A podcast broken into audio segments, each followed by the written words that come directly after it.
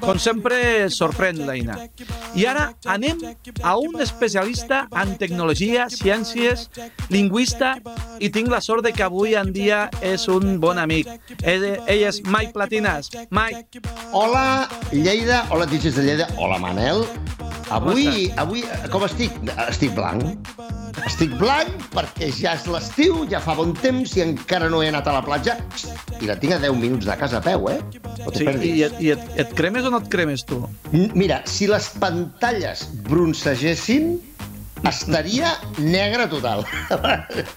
estaria cremat, negre cremat estaria. Molt bé, molt bé. Abans d'entrar en el tema que tenim sí. avui, me sembla que volies comentar sí. un, una persona que havia posat al, al YouTube, crec que és Sí. un comentari, Sí, volies Merino... aclarir alguna cosa. Sí, Luis Merino, bon amic, per cert, uh, i un supercrack, un productor de, de, de nu disco i house, un crack, comentava uh, si l'efecte de l'autotune no es podia fer amb els harmonitzadors Eventide dels anys 70 i 80, com el H3000 i el 910 i tots aquests. No, bé, uh, no, no es pot. No es pot per un motiu molt simple. La mateixa denominació, el mateix terme, auto, autotune, auto, autoafinació, o sigui, la, Mhm. la traducció seria autoafinació. La diferència entre un harmonitzador que canvia l'afinació de l'àudio i el autotune és que l'autotune no únicament la canvia, sinó que detecta quina té l'àudio i la modifica perquè quadri dintre de l'escala musical. És a dir, afina o reafina o corregeix les desafinacions de l'àudio. Per tant, la principal diferència entre els harmonitzadors Eventide i l'Audotune és que un canvia l'afinació i l'altre detecta l'original i, la, i la corregeix. Dit d'una altra, altra manera, el Autotune corregeix, els harmonitzadors Eventide no corregeixen de forma automàtica. Aquesta No. és la resposta. Doncs mira, avui parlarem de... Mira, mira quins discos tinc per aquí. Ostres! Home! Mira, mira, mira. Home! Tinc aquest, a mi m'agrada molt aquesta, la Ah, versió el- més el- antiga potser. Els primers vinils, el primer logo, sí. Això és més recent. Sí, sí, sí, sí, sí, sí, sí, sí. Vale. Sí, sí. Avui parlem de la DMC. De la DMC, sí senyor. Mike, explica'ns què és DMC. Bé, DMC són les sigles en anglès de Disco Mix Club, que seria una cosa així com el club de les mescles de discoteca, eh? perquè ens entenguem, les mescles de DJ, perquè ens entenguem, Sí. no? És el club de DJs més important del món, eh? que va ser una idea que va tenir Alan Coulthard, un DJ anglès, a principis dels 80, i li va comentar a Tony Prince. Tony Prince era un famós locutor de ràdio que havia estat mànager a Anglaterra d'Elvis Presley, per cert, com a curiositat Molt històrica. curiós. Sí. Molt curiós. Eh, I li va comentar, escolta'm, i per què no, com ja existeix a l'estranger, per què no muntem aquí a Anglaterra una espècie de club de DJs i editem mescles de cançons eh, Mhm. cada mes que els serveixi als DJs o per punxar-les a discoteca o en ràdio o simplement com a inspiració creativa, no? Uh -huh. i van començar a editar a partir de l'any 83, el vuit- a l'any 83 parlo, eh? Caset, una col·lecció de casets amb mescles que primer eren del propi Alan Coulthard, però després es va sumar altra gent com Les Adams, i més endavant doncs, va entrar Sanieks, eh, Peter Slawish, Ben Lippard... M'encantava a mi Les Adams, Mike Mix Gre- Doctor. Les Adams, el Mix Doctor, efectivament. M'encantaven a mi. Sí, sí, sí, sí. Era molt fi, eh? Molt fi. Sí, Era molt, molt, fi. molt, molt. Fi mesclats. Hi una producció molt fina, és veritat. I van començar a l'any 83 eh, editant casets, eh, uns casets un tant especials, que després ja comentarem. Després van passar a editar vinils, després CDs, i actualment eh, pots comprar el material DMC amb descàrrega directa per internet legal. Uh -huh. I eh, quins són els seus orígens i antecedents històrics? Esclar, és que acabo de dir fa un moment que la idea que està a Coulthard la va copiar o es va inspirar en coses que es feien a l'estranger. En concret, es va inspirar en un club de DJs que eh, fins aquell moment era el més important que hi havia al món, que eren d'Estats Units, que es deien Disconet. Eh? Disconet Mhm. vol dir una cosa com eh, xarxa de discoteques Molt bé. de manera, eh? és la traducció. I era un eh, club que editaven una sèrie de vinils promocionals, i ho dic entre cometes, ara veureu per què, eh, tenien una espècie de, de, de llicència de l'ESCAP d'Estats Units, que és l'equivalent a l'ESGAE espanyola, una llicència general per utilitzar cançons de qualsevol segell i fer... Ells anomenaven remix, però més que res en reedits. El que agafaven era la cançó original, doncs tallaven i allargaven el break d'entrada, repetien un tros, Mm -hmm. Feien versions una mica diferents o feien una versió extesa d'una cançó que no la tenia, que no tenia mm -hmm. un extended, i ho feien per DJs, feien, també feien mescles molt guapes, molt xules, i tot era totalment legal. La diferència principal entre Disconet i els discos pirates que arribaven en aquella època era que Disconet era un servei totalment legal. I sota uh -huh. aquesta idea, la idea de Disconet i DJ Zol i altres clubs que havia als Estats Units, però sobretot Disconet, doncs es va fer el DMC a Anglaterra. Molt bé. I per què no hi ha, per exemple, eh, un equivalent aquí a Espanya? Doncs mira, això és molt curiós que m'ho preguntis i, i, i és una mica una pregunta que molta gent s'ha fet. De fet, eh, quan el Javier Ucia i jo, als 80, treballàvem junts, eh, de fet, la idea se'ns va acudir. Però clar, no únicament a nosaltres, segur que se li ha acudit a molta més gent. Anem a fer com un DMC, però a Espanya, no? Anem a un pacte i, i, sí. i editem cada mes una sèrie de mescles, de remescles i tal, per, per DJs que poden ser membres del club. Però això és impossible de fer aquí a Espanya. Ja us explico quin és el truc, truc barra trampa, DMC, Disconet, eh, altres que van sortir, per exemple, Suimix de Suècia, i altres clubs de DJs semblants. La teoria és la següent.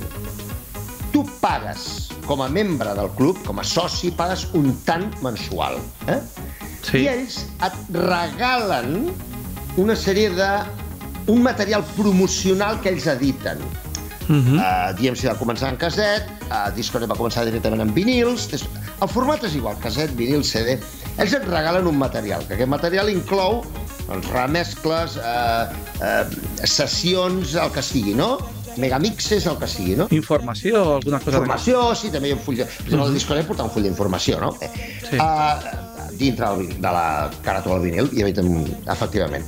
Al cas de DMC, al cap de, de poc temps, van començar a editar el Mix Mag, que era una revista uh mhm. -huh. que va començar sent només pels membres, pels socis de DMC, en tot i que amb els anys ja es va convertir en una revista general que es venia als quioscos de tota Anglaterra. No? Uh mhm. -huh. Però mm, el secret, el truc, la trampa, és que la legislació i les condicions de, de la indústria del mercat d'Estats Units i d'Anglaterra permeten tenir una llicència global el cas dels Estats Units, per exemple, d'ESCAP, el cas d'Anglaterra de BPI, que són els mhm. equivalents uh -huh. de l'ESGAE espanyola, una llicència general per utilitzar qualsevol cançó, en el cas d'Anglaterra, editada a Anglaterra, comercialment, utilitzar-la amb fins promocionals en una cosa uh -huh. que mhm. tu editis i tu regalis. Atenció al truco barra trampa. Insisteixo, sí, sí, sí. tu com a membre pagues un tant al mes per ser soci del club. I el club et regala un material promocional que ells editen. Però, a més a més, amb, el, amb la gràcia de que el material promocional té uns impostos, una llicència, un preu de llicència reduït. Mm -hmm. uns pocs cèntims d'euro per còpia. Eh? I d'aquesta manera, DMC aconseguia utilitzar cançons de qualsevol segell discogràfic amb permís, amb un permís general de BPAE, fer uns discos o uns cassets, uns vinils que fos eh, totalment legals, promocionals, sempre que tu fossis soci del club. I ara la pregunta és, i quan costava ser soci del club? Caríssim.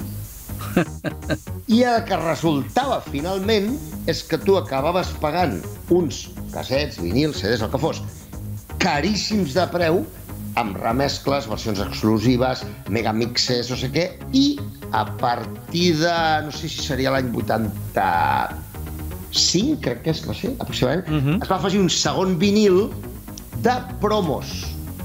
I és sí. una manera de tenir contentes a les companyies discogràfiques, perquè les Clar. discogràfiques posaven versions curtes de 3 minutets de promo de la nova cançó que estaven a punt de treure de la Whitney Houston, o la nova cançó de la Madonna, Home, això és una, una feina que, que els hi treu, com aquí que diu, quan envien a les ràdios, Clar, clar, eh, una feina que, que els estal- s'estalviaven. clar, és una manera de que la promoció discogràfica dels segells era molt més directa, molt més fàcil, sobretot perquè DMC tenia un gran impacte entre la comunitat DJ i era tan simple com enviar-los les 3-4 cançons que, o les dues que tenies noves de- d'aquell mes, principals, ells les posaven i feien un vinil, per exemple, amb, ja dic, versions curtes, moltes cançons. Clar, pels DJs els anava bé, sobretot els de ràdio, per poder punxar en primícia la nova cançó de tal artista que sortirà d'aquí 15 dies. Clar, això era fantàstic. Les discogràfiques els facilitaves la promoció, els DJs tenien aquesta promo, però pagant-la caríssima. Escolta'm una cosa, abans de, de, de continuar, Sí. sí, sí que m'agradaria explicar una mica de que realment era molt interessant alguns mesos Sí. perquè trobaves un mix del Sí. Michael Jackson Sí, o, sí, sí, sí, sí. o trobaves un mix de la Madonna. Genèric. Si t'agradava un grup o un artista o Sí, era un grup sí. o un artista d'èxit, Mm. podies posar un mix de Sí. tota la seva música Jo- o un remix Jo molt recordo, més... jo recordo un de YouTube que el vaig punxar en sessió. No, no de YouTube, no, de... de dic jo, de Simple Minds, no me'n recordo. Uns quants d'aquests, Sí, jo els vaig sí, sí. punxar en sessió i Hi havia cançons que eren lentes, que estaven de moda, però que no es podien punxar, Sí. i amb els remix que hi havia a la DMC, Sí, senyor. la podies punxar, per Sí, exemple. efectivament. I tu com vas descobrir la DMC, Mike? Ostres, això és una història... Intentaré, intentaré eh, resumir-la. A veure, a la meva etapa universitària, jo eh, estudiava l'anglo- anglogermàniques. Tenia dos idiomes Mhm. principals i dos opcionals. Jo estudiava anglès, alemany, francès i italià a la uni, ok? I què feia? Jo, per practicar, el que feia és que eh, quan a la nit arribava al pis d'estudiants, eh, doncs clar, no tenia res a fer. Per tant, em posava a escoltar la ràdio ona mitja, ona llarga, i escoltava ràdios de tota Europa, doncs aquesta nit escolto una ràdio francesa, per practicar francès. Mhm. A l'endemà escolto una ràdio holandesa, a, a veure si entenc alguna cosa, per educar l'oïda en idiomes, no? A l'endemà una ràdio en alemany, que a alemany em costava una barbaritat. Després una ràdio en anglès, i així, fent voltes pel dial i escoltant cada nit una ràdio concreta, vaig descobrir que Radio Luxemburg, Radio Luxemburg, feien un programa ràdio en anglès, Sí. fet per un tal Tony Prince, Mhm. on explicava què era el DMC. Això parlo devia ser a principi del 84, una cosa així. I, ostres, va ser, ostres, i editen casets, perquè a l'època editaven casets, amb mescla, ell posava les mescles per antena, per ràdio, i jo les escoltava, hòstia, host- estan ben mesclats, això em pot servir d'inspiració, no? Clar. I devia ser sobre el maig, una cosa així, del 84, vaig, com que donaven un telèfon, vaig trucar al telèfon aquest a Anglaterra, va despenjar la Christine Prince, la dona del Tony Prince, que Mare dit, és un negoci familiar, eh? i em va dir en anglès, ostres, doncs ens fa molta il·lusió que ens truquis, ets el primer soci que tindrem a Espanya i ens fa una especial gràcia perquè nosaltres estiuegem cada any a Mallorca. I que això sàpiga, inclús avui en dia encara estiuegen a Mallorca. Les últimes Ah. informacions que tinc jo de fa pocs anys. Eh? Tota la vida havia eh, estiuejat a Mallorca. I ens fa molta il·lusió que, que finalment tinguem un soci espanyol, no? O sigui que va ser el primer soci espanyol de DMC per casualitat, eh? perquè escoltava la ràdio en idiomes, no? I així va començar la meva història amb DMC. Bueno. Escolta'm, eh, molta gent pensa que clar, el Megamix Mm. a Espanya... Bueno, a. Espanya. El Megamix... Qui és Megamix? Pues Mike Platinas, és el que penses. Almenys Ah. hi ha molts DJs que pensen... O sigui, quan, quan parles del Megamix, Eh? automàticament relaciones al Mike Platinas. Sí que és veritat que també relaciones Sí. a, a d'altres, eh, no? Però, Com, però és veritat... com l'iniciador, vols dir? Sí. Sí, sí, sí. O sigui, però DMC va treure el terme. No és així? Clar, o sigui, hi ha gent que diu Mike Platinas inventó el Megamix. No, no és veritat, això. Uh, Mike Platinas va inventar la paraula Megamix. No és cert. No és veritat. No. No. Uh, el terme Megamix ja existia feia molts anys. Jo crec que una de les primeres vegades, si no la primera que ho vaig veure escrit en un disc, va ser en una remescla que va fer Patrick Cowley del I Feel Love de Donna Summer, que devia ser sobre el, del 82 aproximadament, devia ser. I posava Megamix. Mega, posava mega, crec que Mix. posava mega separat mix. Ah, diria que portava uh -huh. això, diria. No estava junt, junt no, però és Megamix igual. Ho mirarem, ho mirarem, al Discord. Sí, sí, crec recordar que era així. Però en tot cas, eh, els primers que van començar a utilitzar la paraula Megamix d'una manera constant com a metodologia, de, com a terminologia habitual, va ser DMC, mm -hmm. va ser Disco Mix Club, no? I quan jo vaig començar a rebre aquells casets, aquells tests, i vaig veure Megamix, Megamix, Megamix, i clar, se'm va posar el cap, la, la paraula al cap, no? Que clar, mm -hmm. realment al principi eren mescles i ja està, però va evolucionar cap a mescles més efectes creatius, que és una mica el que tots tenim al cap sobre la paraula Megamix el que sí que vaig fer jo, que això és cert, és adaptar la idea aquesta a la mentalitat espanyola barra llatina, digue-li com vulguis, no? Uh mhm. -huh. el, que, el que es va anomenar l'estil de Megamix espanyol, no? que doncs, és ser creatiu amb els efectes i amb les mescles i ser creatiu amb les cançons sense límit i buscar efectes molt extrems canvis de canal a canal ràpids, efectes de repetició, no sé què, un seqüenciador amb arpegis, sí. fer coses, coses molt impactants. És a dir, uh mhm. -huh. jo vaig crear un estil de Megamix, o estil de Megamix espanyol, perquè ens entenguem, per dir-ho d'alguna manera, que consistia en buscar els, els jocs artificials, no? Els fo yeah. focs artificials, yeah. perdó. L'efecte impactant, allò que no únicament té efecte, sinó que, ostres, que, que et sorprèn, buscar la sorpresa al que escolta. Mhm. -huh. I, a més a més, afegir un element simpàtic, no? Home, eh, avui en dia, ja abans no em fixava tant, però em fixo que al, aquí a la DMC, a tot arreu sí. posa Megamixer, sí. Pues aquest que tinc sí. és el que a més surt també sí. el Mix Doctor, les Adams, sí. que surt el teu també, sí. el Megamix de Modern sí. Talking, sí. posa Megamixer. Sí. sí, megamixer vol dir la persona, saps que sabeu que en anglès les paraules acabes en ER, vol dir persona que fa una determinada activitat. Sing és cantar i singer és cantant o cantaor, persona que canta. No? Megamix és megamix i megamixer vol dir persona que fa el megamix de creador. Mike, eh, eh, com sempre, se'ns va el temps. Com sempre. I pensàvem que teníem més temps avui. Sí. Parla'ns una mica en plan ràpid, sí. perquè eh, no hem parlat d'una part molt important de la DMC. És que és un tema molt llarg, eh? campionats. És que dona per molt aquest tema, eh? Sí, per, però bueno, avui fem una pinzellada tema, una mica de, del ràpid. tema de, dels, dels concursos dels campionats sí. de DJs a nivell sí. mundial sí, de la DMC. un, dia, un dia parlem més aprofitar, però per fer una pinzellada ràpida, DMC va començar a fer convencions internacionals, crec recordar que en va fer dues, any 83 i any 84, que era allò, anava gent, feia conferències, explicava coses, de, de la indústria musical, molt interessant, per cert, uh, però el tercer any van fer el primer campionat mundial de DJs, que va començar, crec que en 8 o 9 països, molt pocs, i, i va anar estenent-se amb els anys i ara realment és un campionat mundial. De fet, és el campionat de DJs més important del món. La meva experiència personal... Un dia parlarem de l'experiència teva i meva als campionats, va. Això mateix. Sí, perquè és veritat que tu vas... Eh, eh, bueno, podríem dir que, que uh -huh. has sigut eh, no l'únic, o ha sigut uh -huh. l'únic que ha participat a nivell mundial de no, la DMC? No, no sóc l'únic, no sóc l'únic. Ja, ja. Però bueno, el campió de cada any ha anat al campionat del món, sí, sí, sí. Ja, eh, ja, ja. Sí, sí. Però tinc entès que... que però vaig ser el primer, però vaig ser el primer. No sí. pot arribar, segons quins països, uh -huh. com passa amb altres concursos sí. de música, sí. no pot arribar a tots els països no, a participar perquè, clar. perquè ha d'haver una mica, un mínim nivell per sí, arribar sí, sí, sí, sí, a la DMC, no? No, no, no sí, jo vaig ser el, el primer campió d'Espanya que, que va, el primer que va representar Espanya en un DMC i de fet he estat a dos campionats del món representant Espanya i tal, i soc campió d'Espanya diguem sí, per tant, això és un tema que parlarem un altre dia perquè tu també sí, tens sí. experiència en jo campionats també, també. I, i el Jordi Carreras, que també és col·laborador de, del teu programa, també té experiència, per tant són gent que hem estat dintre del cercle dels campionats i podem sabem, explicar sabem moltes... el que és un backspeed. Exacte, i podem explicar moltes coses. Eh? Podem explicar Escolta, eh,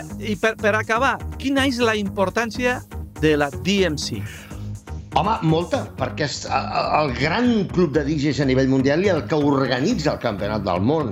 I ha servit d'inspiració, les remescles i, i megamixes que ells han editat per, per professionals, han servit d'inspiració a generacions de DJs, a molts milers de DJs a tot el món. Mm. Per tant, què hi ha més important en una disciplina creativa que allò que t'inspira? Per tant, la importància ha estat i és màxima. I per reacabar, has fet un petit resum, A veure, un resum ràpid. un resum del que hem parlat avui. A veure, el DMC és un club de DJs que es va, va començar com un petit negoci familiar, va créixer molt ràpidament, ara és un club internacional, de fet és el més important del món, que cada any organitza el Campionat del Món de DJs i que eh, té una gran importància històrica eh, com a eh, inspiració creativa pels DJs. Resum I jo, a part de tot això, tinc que dir que DMC Mm? hauria d'estar molt agraït a Mike Platinas perquè Home, ha sigut Gràcies. un dels promocionadors de DMC més importants aquí. Perquè, És veritat, és cert. Ha sigut part important pels concursos, Sí, sí. per, per promocionar... Bueno, Sí, però a part també, com tu saps, això ho explicarem un altre dia, jo també he estat Això jurat, he estat membre del jurat a molts dels concursos Per això tant a que- Lleida, Catalunya, Campionat d'Espanya, etc. no és per res, però Sí, sí. igual si, si Mike Platinas no hagués existit, igual la DMC aquí no s'hauria conegut tant. Ho hauria fet un altre, Bueno, abans o després. no ho sabem, no Les ho sabem, coses no ho acaben sabem. passant, estimat Manel, sí. Mike, eh, com sempre, molt agraït de que estiguis amb A tu i a nosaltres, tots vosaltres. de que ens ho passem bomba Sempre. amb, amb les teves ensenyances i la setmana que ve Més, Més. més. Coneixes a, a, al DJ, al, al DJ que ve ara, tenim una novetat, Mhm. que és la nova de Gabri Ponte, el Home, coneixes? home, clar. Ostres, vaig veure una rutina d'ell amb Pioneers És brutal. És imp... brutal. un crac, és un supercrac, en sèrio. Sí, sí. La veritat és que sí. Mhm. Doncs eh, anem a la nova cançó de Gabri Ponte Vinga. i a tu et veiem la setmana vinent. Gràcies, Vinga, Mike. abraçada a tots. Adéu.